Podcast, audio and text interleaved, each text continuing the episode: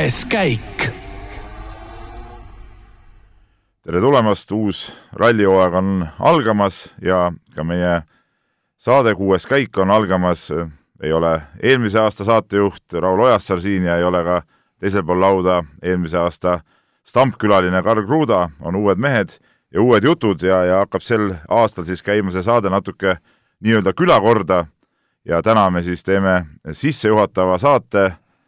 Mul on saatekülaliseks Eesti kõige suurem rallispetsialist Urmo Aava. tere päevast! ja mina olen siis Peep Pahv ja, ja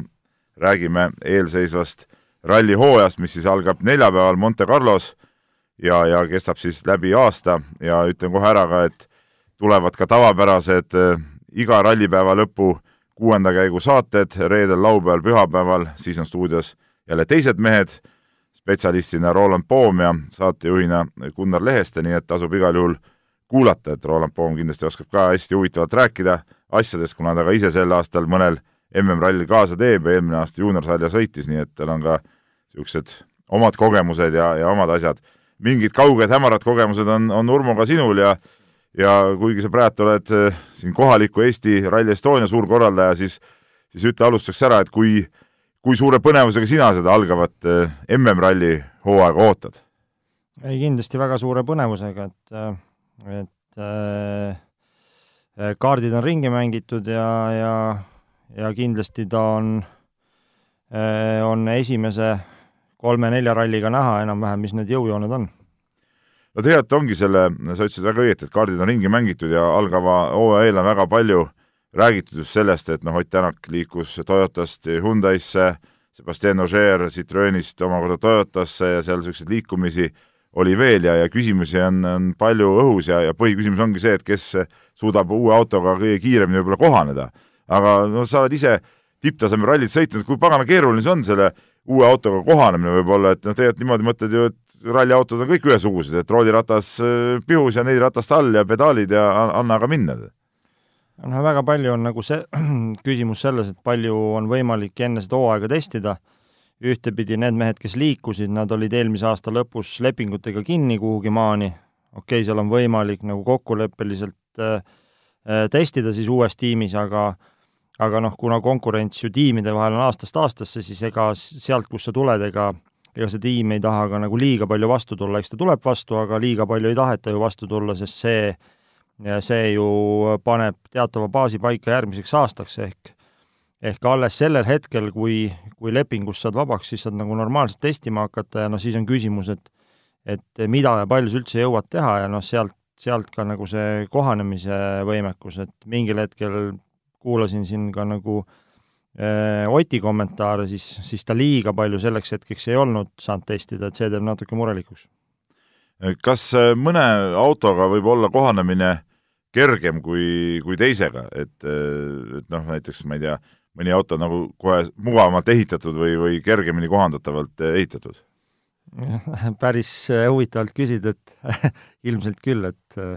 et mingid autod on kergemad kohaneda ja, ja mingid autod on raskemad kohaneda, et et pigem see oleneb nendest eel, eelnevatest sõitjatest ja, ja, ja kogu sellest inseneritööst, et äh, mida teravamat tippu on autoga taga aetud ja, ja ja kui, kui eelnevad Eesti sõitja või siis põhisõitjate nagu selline soov autot arendada on sellisesse nagu nišši, siis selliste autodega on üsna keeruline teistel sõitjatel kohaneda, aga kui see on selline nagu mingi mainstream arusaam, siis, siis ilmselt on nagu lihtsam kohaneda. aga millest see kohanemine üldse pihta hakkab, no kõigepealt on muidugi see, kui tuleb uus auto, ilmselt äh, juht peab kõigepealt enda jaoks selle töökoha mugavaks äh, seadistama, noh, ütleme, sa oled ka liikunud ju, kui sa sõitsid omal ajal WRC sarjas seal äh, Fordiga, Citroeniga, eks ole, said uue auto, siis sa pidid kõigepealt hakkama seda nii-öelda seda enda istumist sättima, ütleme, see on vist kõige esimene töö ja siis läheb juba auto niisuguste tehniliste nüansside enda jaoks sobivaks tegemiseks või? jah, see nagu istme ja kogu, kogu selle ümbritseva paikapanemine ei ole nagu liiga keeruline, kuigi vahest olen kuulnud, et mingites tiimides on mingid asjad nagu ületamatud, noh, seal ei saagi aru, et et kas keegi jonnib kuskil, mul ei ole tulnud selliste asjadega kokku puutuda, nagu reaalse testimisega, et ega kui mina WRC-ga sõitsin, siis ega ma väga palju tegelikult testida ei saanud. Kogu aasta peale, täi-, peaaegu nagu täishooaega Citrooniga sõitsin, siis seitsesada kilomeetrit, et siin, siin osad mehed sõidavad sellist kilometraaži äh, enne nagu hooaega või, või ühte rallit, et äh, et noh, me ikkagi proovisime nende loetud kilomeetritega saada nagu üldpildile pihta. no mis selle kohanemise juures, ütleme, kõige olulisem on, ongi siis see, et, et sa saaksid selle auto nagu enda selle tunnetuse järgi, et ma mäletan, kui Ott äh, Tänak näiteks läks äh, Fordist äh, Toyotasse, siis, siis ka ütleme, kulus mingi pool hooaega, kui ta järsku ühel rallil, pärast ühte rallit ütles, et et nüüd me oleme saanud selle auto nagu enda niimoodi käituma, nagu me enam-vähem nagu tahame. Et, et see, see on väga peenhäälestuse teema ikkagi just. noh, see on väga peenhäälestuse teema sellepärast, et äh, see on nagu nii palju elemente, mis loevad, et äh, alustades äh, amordi erinevatest nagu hüdraulilistest seadistustest, vedrudest äh,, stabilisaatori igasugustest setting utest äh,, vedrustuse geomeetriast äh,, ülekannetest, mootori äh, karakteristikutest äh,, kaalujaotusest, et see on nagu mustmiljon äh, väikest detaili ja mis on nagu huvitav, et äh, seal ei ole sellist nagu mingit Äh, absoluutset tõde, et kui sa kõigega liigud mingis ühes suunas, et siis sa saad nagu alati parima tulemuse, et et äh, sa võid sinna väljale luua nagu erinevaid nagu äh,, nagu selliseid valmis seadistusi ja ja siis nende vahel lõpuks nagu valida, et see on nagu üsna-üsna keeruline, et et äh, ei ole nagu lihtsasti mõistetav see, et et äh, kui sa mingeid asju teed, et siis sa saad alati nagu mingid kindlad tulemused. No tegelikult hooaja esimesed rallid on ju väga spetsiifilised, Monte Carlo noh, väga eriline ralli, kus, kus on noh, vahelduvad tingimused ja kõik, Rootsi ralli, noh, annaks jumal, et ta ikka toimuks, talveralli jälle väga spetsiifiline, siis minnakse eh, mägedesse, et, et kas see kõik teeb ka selle autoga kohanemise keerulisemaks, et niisugused, kuidas ma ütlen, nagu tavarallid ehk tavalised kruusarallid, mis moodustavad võib-olla valdava enamuse hooajast, et need asjad tulevad hiljem tegelikult ja Monte Carlo on tegelikult alati olnud niisugune selline huvitav ralli, et äh, ma julgeks öelda, et seal on nagu selle mm, sõitja ja kaardilugeja roll ja kogu selle taustatiimi roll nagu hästi suur. Ehk nagu piltlikult võiks öelda, et kui auto on enam-vähem okei okay ja need olud on seal keerulised ja vahelduvad, siis enam-vähem okei okay autoga saab väga hea tulemuse teha. kui me läheme äh, näiteks Soome rallile, mis on väga spetsiifiline, kus iga sekund loeb, siis Soome rallil enam-vähem okei okay, autoga ei saa mitte midagi saavutada, et noh, seal on nagu kogu aeg maksimumi peal, on ju. et selles suhtes on hea, et see Monte Carlo on, on esimene ralli ja seal just nagu eestlaste seisukohalt vaadates, et kuna on, toimunud tiimivahetus, et kui see auto saadakse enam-vähem okeilt sobima, siis, siis on loota juba tegelikult ka täitsa head tulemust. ja samas on Monte Carlo selline ralli, kus on ikkagi võidutsenud ju ühed ja samad mehed päris tihti, kes on ikkagi seal nende tingimustega väga harjunud ja, ja, ja ja, ja oskavad seal sõita. jah, ja nad on võidutsenud seal erinevate autodega, noh küll küll üks mees siin, kes üheksa korda maailmameistriks tuli, siis see võidutses ühe sama autoga, on ju, et noh, see kind-, ma ei ütle seda, et et kui sul on nagu tippauto ja sul on tippteadmised ja sa oled tippmees selle ralli jaoks, siis noh, tulemus ongi nii, nagu me näinud oleme, on ju, et seal ei ole muutusi, ma räägin, ma räägin poodiumi kohale sõitmisest et see oleks nagu hooaja alguseks äh, isegi päris, päris hea, eks ole. kui niimoodi, niimoodi õnnestuks poodiumi kohaga startida, nii nagu siin on nüüd õnnestunud. jaa, ma arvan, et äh, nagu oluline on äh, kõigil ikkagi, noh, ma ei saa kellelegi peale suruda, mida nad mõistma peavad või mitte, aga see, et Ott ja Martin kogu aeg peaksid võitma, see on ebanormaalne, et äh, et äh, me ikkagi peame hindama Äh, poodiumikohti ja, ja nagu häid tulemusi kõiki, et need ei ole iseenesestmõistetavad. no Monte Carlost, kui rääkides, Monte Carlo ralli üks spetsiifika on ju see, et et sõidetakse oludes, kus äh, nii-öelda ühel pool mäge on ühed ilmatingimused, teisel pool mäge on hoopis teised, et võib-olla kuiv asfalt ja võib-olla lumi ja jää samal kiiruskatsel, et et seal on kõik need ees, eessõitjad ja, ja, ja abilised on, on olulised, nagu sa ka ütlesid, eks ole, et, et et kas just see, need vahelduvad olud on see, mis teeb Monte Carlo ralli nagu kõige võib-olla erilisemaks või, või ka keerulisemaks? jah, et see maastik, need mäed, need vahelduvad ilmastikuolud, mis on veel huvitav, et kes on nagu siis äh, tõsisemalt jälginud, noh, kui need katsed on pandud siis kahe või kolme kaupa nagu gruppi, siis seal on tegelikult huvitav jälgida nagu kogu nagu grupist strateegiat, et mitte ainult see, mis sina rääkisid, ühel pool mäge, teisel pool mäge, varjus, mitte varjus, siis ka, et kui sa lähed strateegiaga näiteks kõi-, paned strateegia niimoodi paika, et kes-, nagu siis keskmine katse on kõige keerulisem, kõige lumisem ja ja ehitad selle peale ülesse, kaotad võib-olla suhteliselt palju aega esimesel, võidad väga-väga palju aega teisel ja kaotad veel natukene kolmandal, siis nagu lõpptulemusena see kolmesest katse, katse nagu siis äh, nagu ühenduses sa tuled nagu kõige kiiremini välja, et nagu seda on hästi kihvt ka nagu kas siis televisiooni või siis lihtsalt aegade või splittide vahendusel jälgida. et see ei ole lihtsalt nii, et nagu võib arvata, et rallimees paneb pedaali põhja ja silmad ruutus kihutab, et siin on niisugust mõttemängu ja, ja taktikalist keerutamist on, on väga palju väga,. väga-väga palju, et, et äh, noh, mul endal on kogemus siis esiveolise autoga seda rallit sõita, et äh, WRC-ga ei ole õnnestunud, aga noh, mingisuguse tunnetuse saab seal kätte, et ikkagi nagu ühtepidi seal, kus sul on eelised, seal sa pead ka nagu terve mõistuse säilitama ja mitte hulluks minema, ja teistpidi seal, kus äh, sa tead, et, et sa oled nagu halvas seisus, siis sa pead ikka nagu kõvasti kannatama, et sa näed küll, et sa liigud aeglaselt ja, ja võib-olla kaotad kohati seal äh, viis kuni kümme sekundit kilomeetrile, mis ralli mõistes on nagu täielik kalender, on ju, sa pead selle ära kannatama selleks, et järgmises kohas võtta veel rohkem aega tagasi.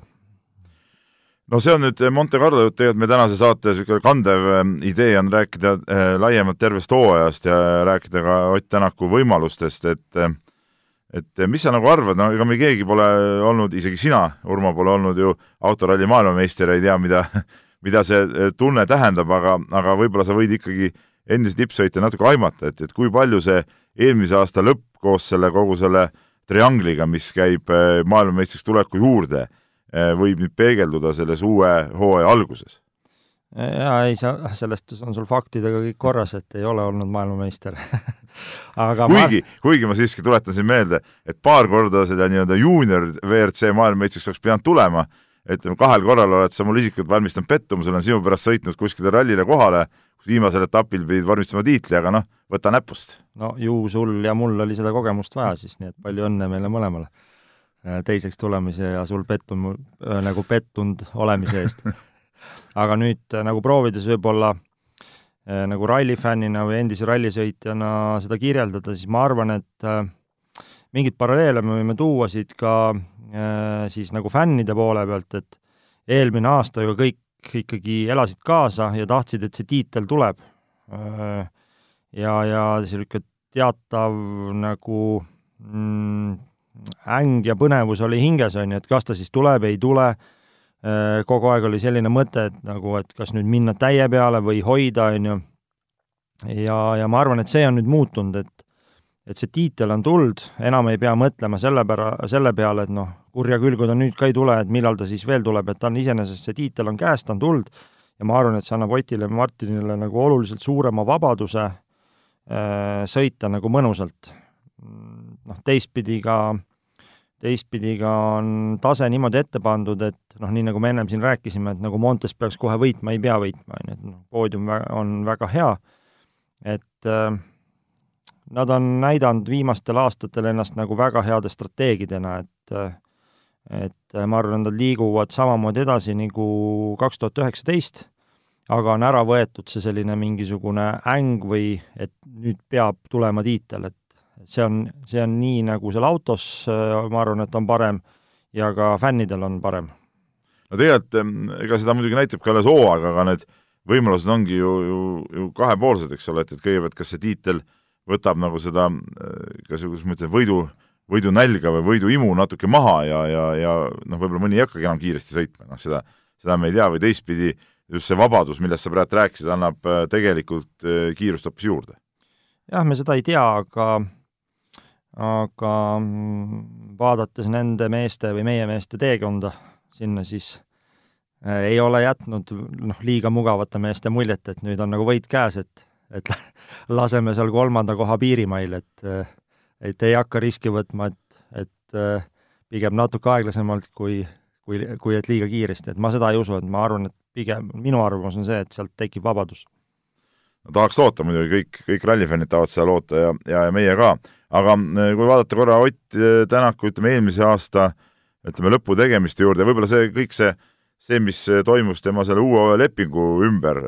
ka nagu kinnitab natuke sinu juttu sellest, et ikka seda uut hooaega võetakse ikkagi nagu maksi-, noh, maksimaalselt ja, ja minnakse maksimumtulemuse peale välja. et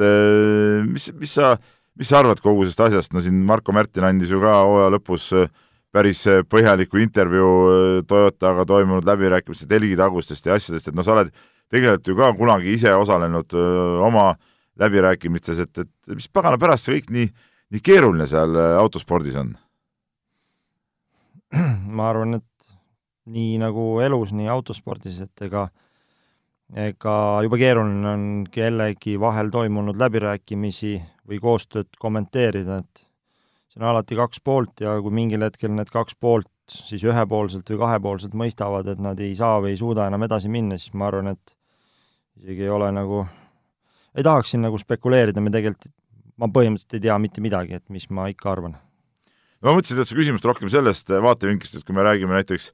noh, võtame näiteks pallimängud, et noh, seal kui tuleb välja, et äh, mingi mees läheb teise tiimi, no siis ta läheb teise tiimi ja, ja, ja asi on korras, eks ole. aga, aga autospordis on tihti nii, et et on, ütleme, täna on spekulatsioon ja siis on kolm kuud käib mingisugune hämamine, varjamine, siis tuleb välja, et leping oli juba tegelikult, ma ei tea, kaks kuud tagasi tehtud, aga seda ikka välja ei öelnud, miks miks see autospordis just niimoodi on, see puudutab tihtipeale ka neid igast vormeli asju, noh autorallis ka väga tihti, ka su enda asjad mõnikord tulid ju ütleme hiljem välja, kui asjad tegelikult tehtud olid, et et see on ikkagi nagu mingi autospordi spetsiifika, et see on, kas see on natuke seotud mingi autotööstuse ma ei tea, kas siis mingite reklaamplaanide või mingite asjadega või, või mille taga need asjad, asjad seisavad tihti? ma arvan, et sa nagu jõuad siit sujuvalt päris õigesse kohta, et äh, esiteks on, on hooajad ju nagu siis kalendri mõttes üsna pikad, on ju, et me ikkagi aasta algusest kuni aasta lõpuni on see kalender jaotatud, äh, sportlik kalender, ja selle ümber on ehitatud kogu PR ja marketingi kalender, et kui see info tuleb liiga vara välja, noh, siis see tegelikult äh, sa saad endale nagu, nagu paratamatult külge mingi teise margi, on ju siis see, kus sa töötad, sul on nagu keeruline seda teha, sind ei võeta enam tõsiselt. et äh, kui mina istuks autotootja poole peal, siis ma kindlasti tahaks ka seda, et see tuleks võimalikult hilja välja, aga teistpidi ju sportlane, noh, nii nagu me ennem siin just rääkisime, et et äh, tundub nagu selle lepi, lepingu läbirääkimiste pealt, et ikkagi kaks tuhat kahtekümmend ja kahtekümmend ühte võetakse väga tõsiselt, on ju. noh, siis seda infot nagu liiga vara nagu lekitada siis oleks olnud kahjulik tegelikult kogu Toyota brändile, on ju. no eh, kui me räägime veel Ott Tänakust ja, ja Martin Järveojast, siis eh, tegelikult noh, spordi üks, eh, kuidas ma ütlen, edasiviiv jõud on see, et sportlased arenevad ka isegi küpses eas, ütleme mingil, mingis valdkonnas peab toimuma mingisugune areng, et, et et kuidas sa nagu autorallis näed seda, et kas sellisel tasemel, kui Ott ja Martin on valitsevad maailmameistrid, noh, on juba piisavalt ka kogemusi ja asju, et kuhu neil veel areneda on seal, on, on üldse mingi areng veel võimalik nende puhul? küsid nii raske küsimus, ma ei oska sellele vastata, kindlasti alati saab areneda äh,. aga mm, utreerime siis, et, et oleks rallis nagu maksimaalselt arenenud sõitja ja kaardilugeja äh, ja paneme sinna juurde siis nagu soovi teha teisele poole nagu metsiku soovi teha mingit megatulemust, et ta nagu ühelt pidi, igatpidi tehniliselt, vaimselt, füüsiliselt, psühholoogiliselt on nagu mega arenenud, aga sealt on kukkunud ära siis nagu soov teha vinget tulemust, siis ma ütleks seda, et ikkagi nagu spordis see tahtmine on nagu kõige, kõige olulisem, et et noh, ei tasuks nagu liiga hullult sellist äh, matemaatilist arengut taga ajada, et, et äh, pigem vaadata ka seda, et see nagu soov ja tahtmine nagu väga kiiresti sõita, miks selle spordiala juurde on tuldud, et see säiliks. aga nüüd vastates su küsimusele, ma, arvan, et ikka saab alati areneda. saab areneda inimesena, sportlasena, insenerina, sest et nagu tegelikult sõitja peab olema ka insener, ta peab aru saama, mismoodi see auto koos seisab, sellepärast ongi tege-, tegemist tehnikaspordiga ja kui tehnoloogia areneb, siis on võimalik äh, koos selle tehnoloogiaga kas, kas edasi areneda või jääda seisma ja siis sa ei suuda seda tehnoloogiat ära kasutada. samamoodi on psühholoogiaga, kogu see psühholoogia ja selle jälgimine ja, ja käitumist kõik nagu see tehnoloogia samamoodi areneb, inimeste teadmised arenevad, kas sa lähed sellega kaasa, ei lähe kaasa, et vastus küsimusele on jaatav, saab küll areneda nojah, või võib-olla aitab arengule kaasa siis see ka, et see tiimivahetus, eks ole, sa võtad uue keskkonna, uue auto, sa pead hakkama sellega nagu uuesti nagu töötama ja ja nii-öelda nagu siis selles uues tiimis nagu arenema, et, et et niisugust, võtad mingid väiksemad eesmärgid, aga aga teisalt jälle autoralli on ju mõnes mõttes niisugune ka nagu omapärane spordiala, et kui, kui mul on muul alal noh, sa pead treenima, treenima, treenima, et saada näiteks kiiremaks jooksjaks või, või parema vastupidavuse või või, või täpsemaks äh, viskajaks, siis äh, autorallis ju, ju treeningu kui selline osa ja läbi selle arenemine on ju tegelikult äh, minimaalne. Treeningut kui sellist ju tegelikult ei toimugi sisuliselt. vaidlen vastu. nagu autoralli, mina julgeks öelda, nagu autoralli nagu paadunud fännina lõppkokkuvõttes on üks raskemaid spordialasid maailmas, seletan ära ka miks. ei, ma ei öelnud, et ta kerge on. ja, ja, ja see ja. treening toimub nagu nii paljudel erinevatel tasemetel, lihtsalt toon ühe hästi lihtsa näite, mis on eluline. kui sa mingil muul spordialal üldiselt teed vea,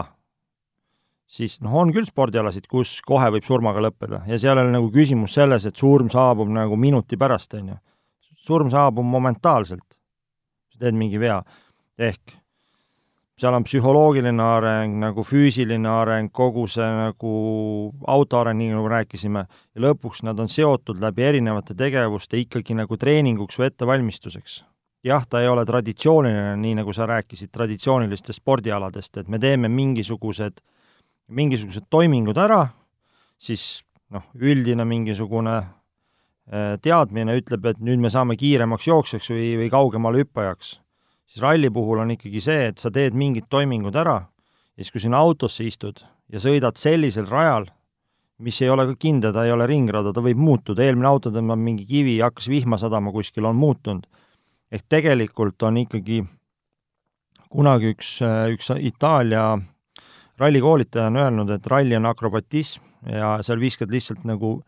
mingid pallid õhku ja see, mida sa lõpuks püüad, sa ei tea, et kas need on pallid, kivid, kangid, et seal kogu aeg muutub ja nagu hea sõitja suudabki kõiki neid püüda. jaa, ei, sellega ma olen absoluutselt nõus ja see oli, oli väga hea seletus, ma lihtsalt nagu see treeningu ajal mõtlesin ka natuke seda, et, et ütleme ka seda äh,, kuidas ma ütlen, nagu paremaid sõiduvõtteid või noh, ütleme niisugust asja ei ole, et et täna nüüd äh, kell kümme on trenn, eks ole, mehed istuvad autosse, siis hakkavad seal äh, mingit spetsiifilist kurvi läbimist nagu õppima, õppima, õppima, et noh, et, et ütleme, rallisõidus käivad asjad nagu teistmoodi, et, et see, see sõit kui selline, sõidu õppimine kui selline, seda nagu igapäevaselt ju tegelikult ja lihvimine, seda igapäevaselt ei toimu lihtsalt. jah, ma arvan, et siin peaks nagu Otiga rääkima, et aga kes on tähelepanelikumad nagu vaatajad ja oskavad vaadata sõidujooni, siis ma ütleks, et nii palju, kui ma olen nüüd vaadanud nagu Monte eelseid videosid, siis Ott sõidab täiesti teistmoodi, ehk tegelikult on ikkagi kuskil segmendis toimub mingi teatav treening, teatav analüüs, nii, nii dataanalüüs kui videoanalüüs, sõidab väga lühikest joont kogu aeg. ja pidurdab väga hilja, sõidab väga lühikest joont ja ei lase autot peaaegu üldse libisema. et nüüd vaatasin ka Toyotaga siis Ogieri sõitu, siis ikkagi võrreldes Otiga kipuvad just nagu aeglastes sektsioonides väljumised minema laiaks, mida Ott suudab väga hästi äh, ära hoida. et äh, ma ei taha olla kogu aeg su vastu siin, kuigi juba tundub, nagu vaidlen vastu kogu aeg, aga ma ütlen, et tegelikult selline analüüsi treenimine käib lihtsalt jah, ta ei ole traditsiooniline, et nüüd lähme treeningväljakule ja ja õpime selle tagasipöörde selgeks, seda ei ole võimalik õppida, sellepärast et maailmas on, ma ei tea, miljon erinevat tagasipööret, sa peadki aru saama, ma ei tea, mingi kuuenda meele nagu siis äh, rajaga tutvumise ajal, et mismoodi sa mingisuguseid elemente sõidad. ja noh, see ongi selline nagu laiema pildi treenimine ja oma stiilu, stiili lihvimine. no vastu vaidlemine täitsa okei okay ja vaidlusest teadupärast äh, sünnib ka tõde tihtipeale. no sa oled harjunud ju vastu vaidlemisega. ei, ma olen harjunud ja ma olen harjunud ise ka vastu, vastu vaidlema, aga aga sa rääkisid väga huvitavalt sellest ähm, sõidujoonest, mida sa äh, oled nende videote pealt näinud, et ehm, no tegelikult ju see, kui, kui vähe sa lased autot ka libisema ja sellest sõltub ju tihtipeale ka ikkagi see auto kiirus, eks ole, et, et sealt, see võib eeldada, mida, mida otsem sa suudad seda autot hoida, seda kiiremini sa liigud ju. jah, et seal on nagu selline üldine loogika, et mida võimsamaks läheb see auto ja, ja mida parem on tal igatpidi veopidamine, siis nagu sirge peal pidurdades või kiirendades, siis seda, seda kiiremini on vaja see auto saada kurvi energiast vabaks ja otse kiirendama. Ja ja tegelikult väga paljuski mingil hetkel tõi nagu sellise es-, esmase nagu mõtteviisi Sebastian Loeb ja Marko Märtin, on ju, ennem seda sõideti jube pikalt risti igatpidi lippade-lappade, on ju, siis tuli mingi uus koolkond ja mulle tundub, et nüüd, nüüd vähemalt kui ma neid videosid vaatan ja vaadates nagu Oti sõitu, siis seal on nagu üks samm veel edasi astutud, eks me näeme nüüd nendest äh, aegadest, aga noh, ütleme niimoodi, et kahjuks rallis mõõdetakse aega nagu sekunditega, ma tegelen mingi visuaalse vaatlemisega, aga mulle tundub see stiil väga kiire. no kui natuke nüüd tulla nii-öelda äh, allapoole ja rääkida Eesti rallist, siis äh, sa võid mind äh, parandada nüüd või vastu vaielda, aga mulle tundub, et Eestis äh, kunagi see võis olla üheksakümnendatel, Ivar Raidem oli üks niisugune mees, kelle auto minu arust kurvides mitte kunagi eriti libisenud ja võitis kõik kodused rallid ära. Mm, jah äh,, täiesti õigus, et siin, siin ma isegi ei hakka vastu vaidlema, et alati oli tea-, nagu spetsialistide hulgas teada-tuntud nagu selline sõidumees, kellel oli strateegia paigas, sõitis väga targalt, sõitis väga sirgelt, et ei lastud külge ees lipadi-loppadi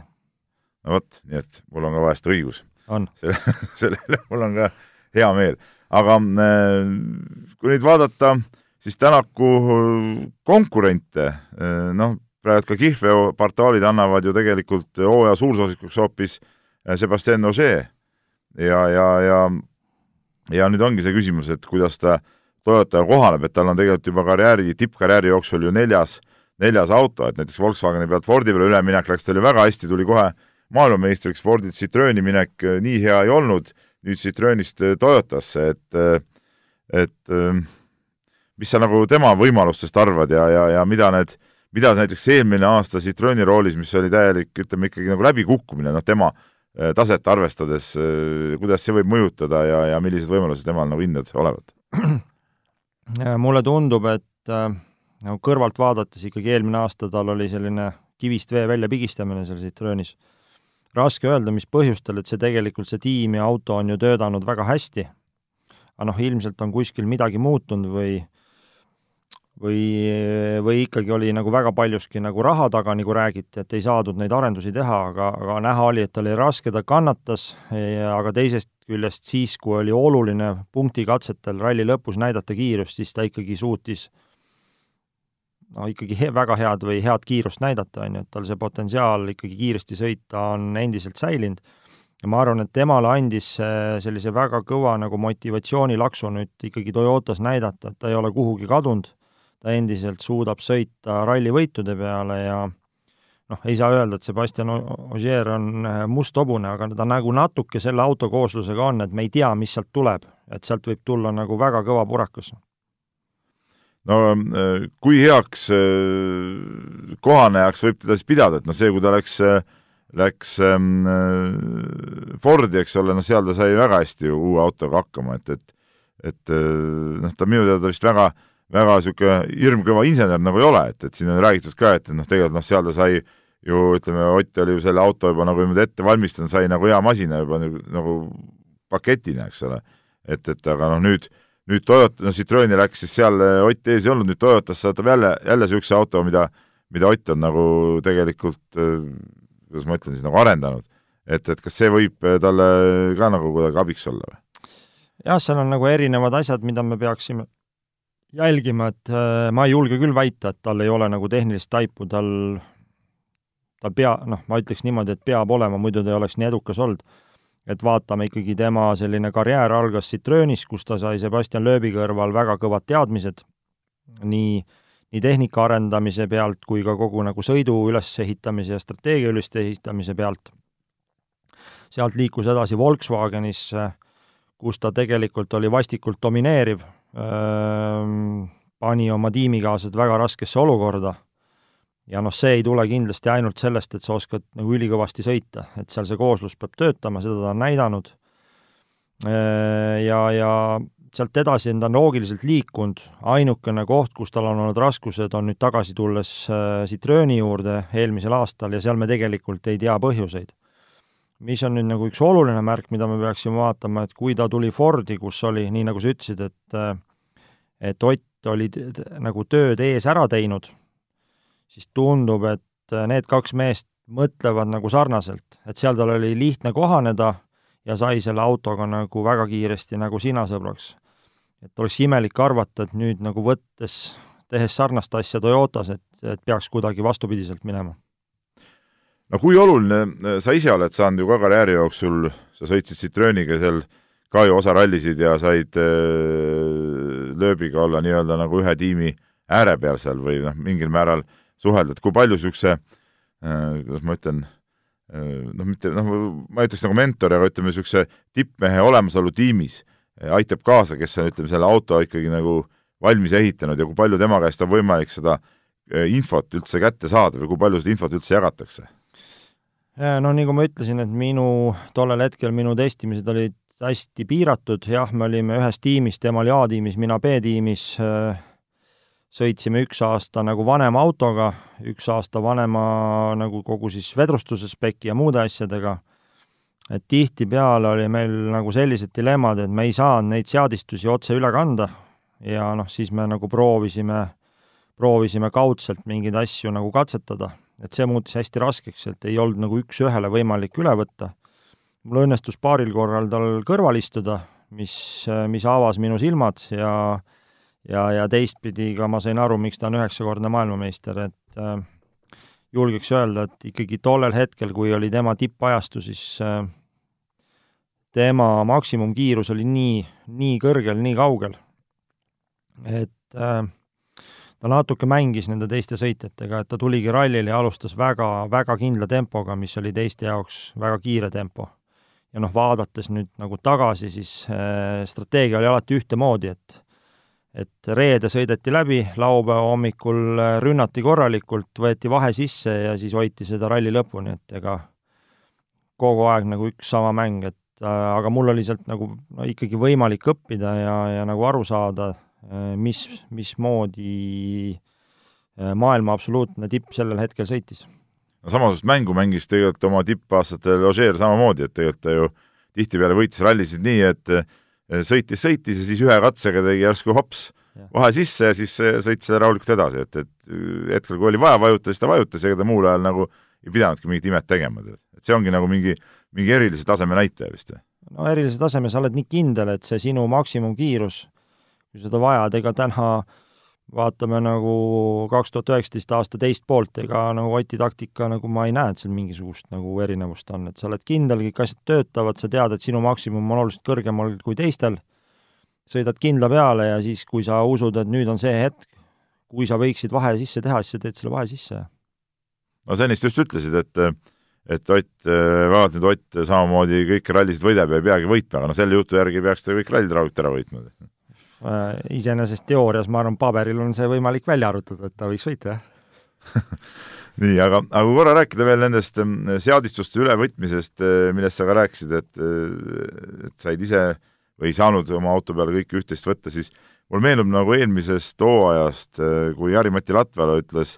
ütles ühel rallil, et kui ta vaatas neid Ott, Oti seadistusi, et et nende seadistustega tema ei olegi võimeline üldse kiiresti sõitma, et ega ega see, mis ühe mehe jaoks on nagu kiire ideaalne seadistus, teisele ei pruugi üldse sobida. jaa, absoluutselt, et toon mingi täitsa mingi teise näite, et äh, kui me aastatel kaks tuhat kuus ja seitse siis äh, võitlesime need juunior WRC tiitlite eest ja oli niisugune kiire rootslane nagu PG Anderson, siis äh, nagu mina ei olnud võimeline tema pehme paadiga sõitma, et ma ma mäletaks, kaks tuhat kuus või seitse pidin sõitma tema autoga Jaapanis, ma ei saanud isegi seda testida, istusin sisse ja rohkem vedrusid ja amorte ei olnud ka kaasas kui tema omad, noh siis ma ikkagi nagu vaevlesin terve ralli ja mina ei tea, kuidas ta sellega kiiresti sõitis, päriselt ka ei saa aru, noh. aga sõitis kuidagi kiiresti. et noh, siin samamoodi, et ikkagi igaüks peab enda selle seade lõpuks leidma, mis hakkab tööle ja, ja seal on veel nagu üks mure, et et mingil hetkel, kui sa näed, et see sinu sõidustiil ja seadistus võib-olla annab sulle maksimaalselt nagu kolmanda-neljanda koha, nii nagu Jari-, viienda koha, nii nagu Jari-Matil oli, sul ongi siis tegelikult äh, selle auto puhul on nagu väga tõsine otsus. kas sa hakkad nüüd kõike suhteliselt nagu nullist üles ehitama, et sa muudadki oma sõidustiili ära ja proovid kaks, kolm, neli, viis rallit, midagi uut, noh, see on, see on nagu väga raske otsus. ja seal on nagu küsimus, et kas see õnnestub või ei õnnestu, et kas see lõpeb mingite avariidega lõpuks, et sa lõhud kogu asja üldse ära, või siis sa otsustadki, et sa sõidad sinna nagu poodiumi piirimaile no äh, Ožee puhul rääkides on veel äh, see küsimus ka, et noh, ta on nii palju võitnud, et äh, me ennist just rääkisime sellest võidunaljast, et, et äkki tal on ka see, ütleme seda võidunälga enam ikkagi nii palju ei ole, et et sõidab oma need aastad veel lõpuni ja, ja võtab oma rahad välja ja, kas ta võidab või ei võida, polegi ta jaoks nii tähtis või mis sa arvad? ma oleks sinuga nõustunud, kui ta oleks lahkunud kaks tuhat üheksateist lõpus, ma oleks nõustunud sinuga. nüüd minnes uue tiimiga nagu uuele hooajale vastu, siis ma arvan, et seal on soov ikkagi midagi näidata. näidata seda, et, et jah, Citrooniga läks millegipärast pahasti, aga tegelikult ikkagi ma olen tippmees ja ma olen suuteline jälle uuesti võitma et tahab tulla, lüüa rusika lauale öelda, et kuulge mehed, mina olen siin ikkagi see kõige kõvem mees. mingi niisugune tunne on, jah. No see on muidugi põnev ja, ja niisugust äh, duelli äh, ootame huviga, aga no tegelikult on ju ka kolmas mees ka, kellest on palju räägitud ja kes iseendast nagu väga palju räägib, äh, Terrine Vill, kes on siin mitmes-mitmes intervjuus rääkinud, kuidas tal on ikkagi Oti ees Hyundai tiimis eelis, kuna tema on seal nagu kauem sõitnud ja olnud ja ja Hyundai tiimis pole keegi talle kunagi vastu saanud, et et kuidas neid selliseid jutte nagu hinnata, et kas see näitab natuke mehe enda ebakindlust, et proovib äh, kuidagi nende juttudega sisendada seda, et tema on, tema on hoopis see kõige kõvem mees sel aastal või, või, või mis mulje sulle on jätnud? no tegelikult sellist taktikat ju proovis äh, Jari-Mati Latvala Oti peal, kui ta tuli tiimi, täpselt see ei viinud mitte kuhugi ju? kahjuks ei viinud, et noh, vaatame, kus ta nüüd viib siis. aga no ütleme, mingid niisugused äh, võib-olla ebakindluse ilmingud ikkagi on niisugused pidev, kui sa nagu mitu korda seda rõhutad, eks ole ma ja ma ei tea, et nagu mi-, mina ei tee, mina ei teeks selliseid avaldusi nagu hooaja alguses, et seal me ei tea, kuidas seal minema hakkab, et et seal nagu nii palju võimalusi, et et ma arvan, et ta teeb endale sedasi nagu karuteene, et kui ta esimesel kahel-kolmel rallil ikkagi ei saa vastu, siis kuidagi see asi võib nagu tema jaoks natuke kokku kukkuda. Aga no kui nüüd puhtteoreetiliselt võtta, siis ju mingi eelis tal peaks ikkagi olema, sest et ta on ikkagi selles, selles tiimis, süsteemis selle autoga nii kaua koos olnud. no ma ei julgegi sellele küsimusele sellest siis vastata, et lugedes Andre Adamo siis nagu kommentaare, et kõik, kes vastavad, et Terril on Oti ees eeliseid ja rallist mitte midagi, et aga sa vasta ikka, ega, ega see Adamo ei ole nüüd ka mingi mees, kellel on absoluutne, ta on äge mees, mulle väga, väga meeldib, ta on niisugune pullkuju, eks ole, aga aga ütleme, me ei pea teda kartma ja, ja, ja kui vaja, siis vabandame sind välja. ja, ja ei, ma tegin lihtsalt nagu nalja, et äh, minul ka temaga hästi positiivsed äh, nagu kogemused ja muljed ja just nagu, nagu siis eelmise aasta suvel seal Helix Rally Estonial, et mees tuli ja ja säras terve nädalavahetus ja hästi kihvt oli temaga suhelda ja, ja need tegelikult äh, Äh, on erinevaid tiimipealikke, aga, aga me selliseid tiimipealikke ka rallisse nagu vajame, kes niimoodi äh, mitte nagu näitlejalikult ei sära, vaid ta ongi olemuselt selline inimene, on ju. Siis ma arvan ka see, see väide on natukene selline provokatiivne, et, et jälle keegi ei tea midagi ja tema teab, et pigem ikkagi ütlen see, et ähm, igasugune loogika ikkagi räägib nagu Terri kasuks, et ta tunneb seda autot, ta tunneb neid inimesi tal on kogemus juba selle koha pealt, et missugused asjad ei tööta ja miks nad ei tööta, et ta ei hakka katsetama võib-olla selliseid asju, mis kindlalt ei tööta. Ott täna, isegi ma ütleks, et peab katsetama need läbi, sellepärast et tal on, see ei anna talle midagi, et keegi teine räägib, et, et see ei töötanud, et ta peab ikkagi enda nagu mingi kogemuse saama. ja võib-olla temal töötab ta, on ju, et sellest siis äh, Teril on läbi nende aastate nii meeletu nagu kogemus et äh, mina ütleks, et kindlalt on eelis. aga kas näiteks äh, Otil on äh, mõtet äh, Terri käest midagi küsida või, või, või nõu küsida just selle noh, mingi varasemate kogemuste kohta selle autoga või, või ütleme sellisel tasemel, kui mõlemad on ikkagi mehed, kes tahavad tulla maailmameistriks, seal mingi infovahetus, ole sa oma tiimimees või mitte, ei tule nagu kõne allagi ja, ja või, või kui tuleb, siis äh, pandakse meelega mingit segast? vaata, seal ma arvan, et Ott ja Martin täna nii, nii palju juba targad mehed, et et kui nad tahavad midagi küsida, siis nad saavad just nagu inseneride poolelt küsida mingeid tehnilisi asju. Ja, ja seal on ka olemas kommentaarid, on ju, siis te-, sõitjatelt, kes midagi testisid ja nüüd noh, ega nad saavadki siis enda tiimikaaslaseid äh, jällegi teistpidi nagu ka testida, et kui neil on inseneridelt info olemas, selline taust, ja noh, siis tuleb, vahet ei ole, kellelt sealt tuleb mingisugust täitsa nagu udujuttu, no siis on selge, et ei ole mõtet nagu üldse seda sisendit võtta, sest see on segav, on ju. kui sealt tuleb adekvaatne info, mida ma ei välista, on ju, siis äh, siis või võib-olla nad saavad väga hästi hakkama seal, me ei tea seda no kõikide nende aastate peale Triinu Vill on olnud äh, nii palju kordi MM-sarjas teisel kohal, et äh, et äh, on ta siis niisugune mees, kellele pole ikkagi võitu antud, et, et ei ole võitja tüüp või? lahe küsimus. ikka ja,? jah, jah, ma isegi ei oska öelda, et teistpidi oleks nagu äge, kui ta saaks, saaks selle võidu, aga kui tal, kui on ette nähtud, küllap ta siis saab, mina ei tea et no, no tundub, et ta mingi asi ikkagi on, et mingil hetkel ta võib võita väga, sõita väga kiirelt ja võita rallisid, aga mingil hetkel, kui nüüd on nagu väga vaja nagu, siis, siis tal just nagu ei tule, noh, et kui sa vaatad tema seda karjääri erinevatel aastatel, siis see on kogu aeg nagu niimoodi läinud tegelikult. Noh. jah, ta kuidagi on suutnud ennast nagu teiseks mõelda või noh, nagu noh, ma ei tea, tundub niimoodi, et nagu ta hakkab mingi hetk, hakkab mingit strateegiat ja taktikat tegema üsna nagu varakult ja siis ja siis, siis mõtlebki ennast teiseks. aga teinekord pole ka paha, ikkagi hõbemedal ju. ma arvan, et nagu meil on mingi ilgelt lahe siin nalja visata, aga ma arvan, et tal on räigelt kopp ees sellest. ma arvan ka, et need hõbemedalid kuskil seina peal vist ei ripu niimoodi järjestel. et, et lõpuks need hakkavad nagu närvidele käima. no kolm põhisoosikut on nüüd kergelt meil üle käidud, võib-olla väga palju oodatakse uuel hooajal, mida suudab Kalle Rovampere no mulle isiklikult tundub, et äh, tema suhtes on ootused isegi nagu liiga üles äh, push itud, et äh, ega see päris nii nüüd ei ole, et sa tuled WRC kahest noore mehena, istud WRC-sse ja hakkad seal kohe paugutama, et seda, seda lootust vist või lootust või ootust ei, ei peaks kultiveerima. ma arvan küll, et mõistlik oleks olla natuke konservatiivsem. ma arvan, et ta teeb mingitel rallidel väga head tulemused loodan, et ei lähe üle kangutama. Äh, ikkagi ta on veel tegelikult päris, päris noor ja, ja sellise no ta on ikka laps alles ikka peaaegu. laps ei ole, ikkagi nagu noor mees, on ju, ja ja kõik varasemad näited on ikkagi näidanud seda, et äh, niimoodi noorena tulles, ega sa stabiilselt ikkagi ei hakka nendele maailma tippudele vastu, et sa võid mingitel rallidel teha oma nagu väga hea tulemuse ära, aga et sa nagu konstantselt kogu aeg tuled ja ja oled seal top kolmes, mina sellesse ei usu. Ehm, kelle tulemust,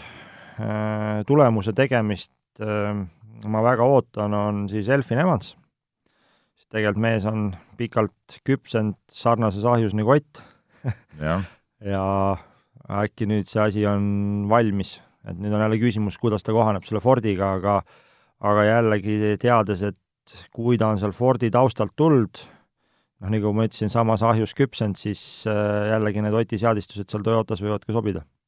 sa läksid ise, hüppasid Evansi teema peale, ma tegelikult tahaks korraks seal Rompere juurde tagasi tulla, mul Evansist ja nendest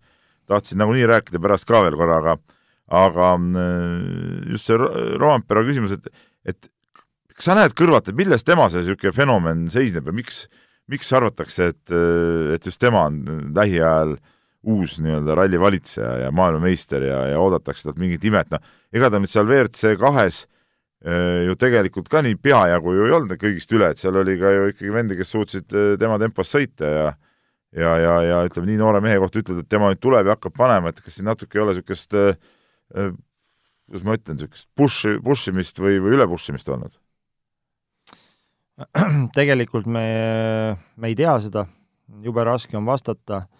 ja noh, see tema areng on ka olnud ikkagi nagu selline sinusoid, mingil hetkel on ta olnud nagu ikkagi väga-väga kiire, väga üllatavalt kiire. Mm, ma ütleks, et äh, nüüd see kaks tuhat üheksateist aasta, olen sinuga nõus, ei olnud, tegi vigu, äh, aga ma ütleks, et see WRC-sse minek on ikkagi loogiline jätk praegu. ja, ja ta peab seal natuke aega saama ja, ja kindlasti sellel mehel nagu kõik asjad on olemas, et, et, et olla tulevikus see valitseja. küsimus, kuidas ta selle järgmise sammu teeb. ja no mis on veel, mida me peame nagu vaatama, on see, et ta on ikkagi hakanud lapsest peale sõitma ja mida me ennem arutasime, et kui see kirg kaob sealt tagant ära, et nagu kui see noor mees saab aru, et ta on nagu lapsest peale sõitnud, nüüd, nüüd ta on nagu siis meheks või nooreks meheks saanud ja ainuke asi, mida ta teinud, on sõitnud. ja kui ta tunneb, et äkki kuramus, ma ei tahagi nagu nii kiiresti ja, ja niimoodi sõita ja, ja veel kümme aastat riskida, on ju.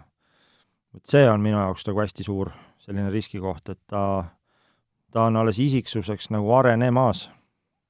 no siin tekib see küsimus ka, et, et praegu ta on harjunud ju noorest peale nii-öelda noh, et, et ta võidab, noh, kõik ütlevad, et isegi kui ta ei võida, et noh, ta on noor, tuleb, tuleb, tuleb, aga nüüd ta satub ikkagi ju, satub WRC sarjast hästi tippude vahele ja, ja seal, kui hakkavad tulema mingid viiendad, kuuendad, seitsmendad kohad, eks ole, siis, siis võib järsku mingisugune reaalsus kohale tulla, et see kõik nagu ei olegi niimoodi, et ma nüüd tulen ja võidan. ja see võib omakorda seda, seda motivatsiooni ja tahtmist ja, ja arusaama kõvasti kõigutada. absoluutselt, siin ma arvan, et sa oled jumalast õigel teel spordipsühholoogiliselt ja ja ma oleks väga üllatunud, kui ta sellesse faasi ei jõua ja ma arvan, et see murdepunkt ongi selles samas faasis, kui ta sealt tuleb välja ja, ja ja saab sellest üle, siis, siis ta saab suureks sõitjaks ja, ja kui sealt ei suuda välja tulla, siis võidki sinna lõksu jääda. no nii, aga sa korra juba tegelikult Elfin Evansist äh, natuke rääkisid. Äh, ähm, jah, ma arvan ka, et ta on üks, üks niisugune mehi, keda, keda tasub jälgida, aga ta samas, äh, ma ise olen mõelnud jälle Teemu Sunineni peale, kes, kes tegelikult on, on ka võib-olla sarnaselt nüüd paar aastat küpsenud ja Fordis ja, ja nüüd ta on Fordis edasi ja, ja, ja ütleme, on selle masinaga ka nagu kokku kasvanud, et kas sa, kas sa temas ei näe nagu mingit niisugust äh, potentsiaali, ütleme, hoopis ise, ise esile kerkida või mis temal puudu jääb, kui sa ei näe seda? no vaadates seda ikkagi, mis võimalused on rahaliselt M-spordil, siis need on ikkagi oluliselt piiratumad kui Hyundai'l ja Toyotal. ma kohe segan vahele, aga M-spordiga Ožeer tuli maailmameistriks. ja nüüd ma tahtsingi jõuda sinna pon-, nagu pointini, et äh, selleks, et seda teha äh, noh, mida on näidanud nagu ülikõvasid tulemusi siis Ogier ja, ja Ott, siis ma arvan, et kui nende meestega rääkida, siis mingil hetkel ikkagi on nõudnud see nagu üliinimlikke pingutusi ja väga kõvat nagu kogemuse pagasit. Mm,. Ma arvan, et see on keeruline, kindlasti ta on kiirem kui kaks tuhat üheksateist, aga suudab teha siis sellistel rallidel väga kõva tulemust, mis sobib väga konkreetselt Fordile ja, ja muidu ikkagi on, ma arvan, ei ole nii kiire kui Elfin, aga elame-näeme.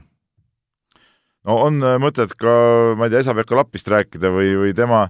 tundub, et see psüühika on ka selline, et äh, ikka päris võidumees vist ei ole? tead, nii ja naa, et äh, tegelikult minu arvates Citroenist tal eelmine aasta esimene pool siis hooajast läks tuksi, siis kuidagi Soomes sai niisuguse uue hingamise ja siis tegi väga mõistlikke, julgeks öelda ikkagi väga mõistlikke tulemusi, et tundub, et tal on mott tagasi ja mina, ma arvan, et ta sõidab selle Fordiga, võib sõita nagu päris kiiresti ja võib olla isegi nagu Suninenist kiirem. no nüüd me ütleme, need niisugused põhisõite on läbi käidud, tegelikult on Hyundai tiimis veel kaks väga olulist meest, kes võivad üksikutel rallidel kõvasti eh, vett segada, on siis Tanis Ordo ja äh, Sebastian äh, Loeb, kes sõidavad kumbki siis nii-öelda jagavad autot ja ei sõida täit hooaega, samas, samas nendel rallidel, kus nad stardis on, on nad iga kord ju ohtlikud äh, kõigile nendele, kes soovivad rallivõitu saada, et et äh, mis sa sellest lööbi sellisest sõitmisest üldse arvad, et, et kas see on niisugune lihtsalt, kuidas ma ütlen, nagu mõnu pärast karjääri pikendamine või ütleme, ta on nagu mingeid ju suuri eesmärke pole, kui sa tervet hooaega ei sõida, et, et mis, mis selle niisuguse sõidu point nagu on? ma arvan, et on ikka väga palju tiimile anda, oma teadmisi. Mm, tundub, et ta teeb seda nagu väga mõistlikult, et ta hulluks ei lähe. et noh, tema väga kiired sõidud on ikkagi nagu selja taga, vanust on ka piisavalt ja ja kui me vaatame ka siis nagu liidetud kehakaalusid seal autos, siis on nagu päris keeruline seal mingites kohtades kiire olla, et, et äh, aga nad ei ole ka midagi, mulle tundub, eriti teinud, et et, et ei oleks keeruline. jaa, ma arvan, et nad ei, väga ei mõtle selle peale. et äh, tunduvad ikkagi nagu tii-, tiimi jaoks töötajad ja, ja ja ikkagi naudivad ka, ma arvan. ikkagi naudivad ja ma arvan, nad igati ära teeninud selle, selle nautimise, et ma ei näe siin mingit probleemi. ootan põnevusi, põnevusega neid rallisid, just neid asfalt, asfaldirallisid, kus nendel on võimalus kõva tulemust teha, ega nad endiselt võivad üllatada. ja, ja Tanis Ordost rääkides, siis äh, ma julgeks öelda, et see ei ole üldse pahaga öeldud, see on kompliment. minu jaoks on ta maailma parim teine sõitja tiimis. väga hästi aru, mida ta tegema peab ja, ja kui ta tegelikult tahab, siis ta võib olla väga-väga kiire. et äh, minu jaoks väga-väga sümpaatne sportlane, väga hea sõitja. kihvt tema nagu sooritusi jälgida ja vaadata ja kuidas ta seda rallit üles ehitab. No kui nüüd korraks astuda veel lõpetuseks siin äh, samm äh, madalamale ka ja, ja rääkida teistest Eesti rallisõitjatest, siis noh, on teada, et Roland Poom teeb mõned üksikud rallid, noh nüüd ta on siis WRC kolm nime all vist, eks ole, see R5 viis autoga, ja, ja noh, tema võimaluste kohta, noh, kui ta teeb üksikud rallid, tal mõtleb looja lõikes rääkida, küll aga tahtsin paari sõnaga rääkida juunior WRC-st, et Ken Torn nüüd kolmas hooaeg äh, selles sarjas üritab, et noh, sa ise olid ka niisugune elupõline eh, juunior WRC mees ja üritasid ja üritasid seal, et et sa ilmselt nagu tunned Kenniga väikest niisugust hingesugulust, et mis sa nagu arvad sellest, et et oli see tema puhul nagu praegu veel nagu mõistlik käik minna kolmandat korda proovima seda? noh, kindlasti on, et kui me mõistaks hukka kuidagi üritamist, pigem me peame ju, ma ütleks niimoodi, et võiks huk-, noh, kui üldse nagu hukka mõista üldse ei ole mõtet, aga võiks hukka mõista mitteüritamist nii elus kui spordis, on ju, siis äh, igal juhul need mõlemad sõitjad, kellest sa räägid, see on nagu vinge vaadata, nad ikkagi nagu üritavad nagu maailma minna ja jube kurb oleks see, et kui meil on ainult Ott ja Martin ja mitte kuskil mujal midagi ei toimu. et äh, kindlasti nendel mõlemal mehel on võimalused olemas äh, tipu poole edasi liikuda, nad peavad, peavad seda proovima ja katsetama. Äh, ma väga loodan, et nad võtavad äh, nagu siis proovivad koguda infot just nagu Oti Martini poole pealt, suhtlevad ka Markoga, mis tema arvab, et saada ka seda niisugust know-how abi. Ja ei, mina arvan, et täiesti nagu õigel teel. no tegelikult veel Junior WRC sarjas sõidab ka Georg Linnamägi, keda, keda nagu Eesti rallisõbrad võib-olla väga hästi ei tunnegi, et ta eelmine hooaeg sõitis siin ju ka seal Euroopas ühte ühte esiveoliste sarja ja ütleme, sealt eh, kontekstis neid tulemusi üle tuua on võib-olla natuke keeruline, et eh, ma ei tea, palju sina seda tausta tead või, või, või tema võimeid tead, et on seal, homme seal midagi jälgida ka siis see aasta? olen temaga kokku puutunud tema sportlaskarjääri alguses, et äh, et tegemist väga noore mehega. ja, ja ma arvan, et sõita mingeid muid sarju eelmisel aastal oli väga mõistlik, nüüd minna tõsisemalt äh, edasi, siis äh, noh, temale kindlasti peab andma aega Mm, atra seada, et siin ei tasuks loota mingeid nagu väga suuri, suuri saavutusi, et pigem sõita mõistliku hooga rallid läbi ja, ja koguda seda kogemust. selles suhtes jah, tema roll on veel teine, kui me toome, tuleme korraks Ken Torni juurde tagasi, siis olgem ausad, kui Ken Torn tahab kuhugi jõuda, siis ta peab selle rallisarja, juunior WRC sarja see aasta võitma. et temal on nagu selge, see pressur on peal nagu. Temal ei ole üldse mingit varianti, ma isegi ei tea, ta on kui vana, kakskümmend kuus? No umbes jah, võib-olla jah, ma praegu vanust ei oska peast öelda, aga, aga põhimõtteliselt ta, noh, kui ta tahab kuhugi jõuda, siis põhimõtteliselt peab. et seal ei ole, ei ole varianti, nagu kihvt on tema nahas olla, et pead, on ju, aga noh, no mis siin ikka nagu heietada, et peabki. no loodame, et ta ei valmista sellist pettumust, nagu sina mulle oled valmistanud kaks korda, nagu me ennist rääkisime. aga äh, lõpetuseks küsin veel seda, et et sa siin korraldad ka seda suurt Rally Estoniat ja juttude järgi olete siin kõvad mehed, WRC kandidaatrallid ja nii edasi, aga aga Tšiidi ralli jäi ära, et mis, miks me Eestis ei näe siis seda WRC etappi, et ei peaks olema ju kohe nii-öelda varnast võtta nüüd? Äh, no ei taha kuidagi sulle ebaviisakalt vastata, aga kui sa nagu geograafiatunnis olid tähelepanelik ja mõtled nagu siis logistika peale, siis asendamine, asendamine sinna ajaaknasse on üsna, üsna keeruline. võib-olla oleks saanud nagu ringi mängida neid ajaaknaid? jaa, tegime omad ettepanekud, aga aga vaadates seda, et kaks tuhat kakskümmend niikuinii on päris palju muudatusi, siis äh, veel teha suveperioodi veel üks muudatus, tuua nagu kevadest üks, üks etapp äh, suveperioodi, et see on, see tundus ebareaalne. et noh, loomulikult ma saan su küsimuse pointist aru, et, et mehed, et nagu auk vabanes, et et miks, miks sinna auku midagi asetatud ei saadud. jah, täpselt nii no jätkame, jätkame oma äh, julgel, julgel teel ja ja endiselt usume, et me oleme võimelised selle ära tegema et siis eh, tahad öelda, et lootust on, kuigi ütleme, see aasta on ju kerge tagasilöök, Rally Estonia toimub olümpiamängude suveolümpiaga ühel ajal, nii et ütleme, see tähelepanu kindlasti saab olema ka palju väiksem, et selles suhtes te ka ei osanud kalendrisse õigesti vaadata. Eh, ma siit küsiks, et kellele see on tagasilöök, et kas olümpia jälgijatele või ralli jälgijatele? ma arvan, et eh, tervele Eesti spordile see on tagasilöök, et sellisel ajal seda korraldate. näiteks ma ei saagi tulla. ja kui mina juba puudun Rally Estoniat, siis see on juba juba väga halb äh, märk, kas sulle ei tundu või? absoluutselt. ma ei ole mitte kunagi sealt puudunud. andeks andmatu. täiesti andeks andmatu sinu poolt. et ma ei tea, selle mõttega peadki, sa pead edasi elama ja selle mõttega on ka hea seda äh, saadet lõpetada, et terve see hooaeg sa pead, pead, ähm, pead pead murdma, kuidas seda heastada. Äh, Aga... sinule? jah. ma pean vaatama, et sa kuidagi nagu ei ole korruptiivne kogu, kogu Eesti rallispordile. aga Urmo, ma tänan sind, et sa said aega siia saatesse tulla ja, ja kuna meil nagu ma saate alguses ka rääkisin, hakkab see saade käima siin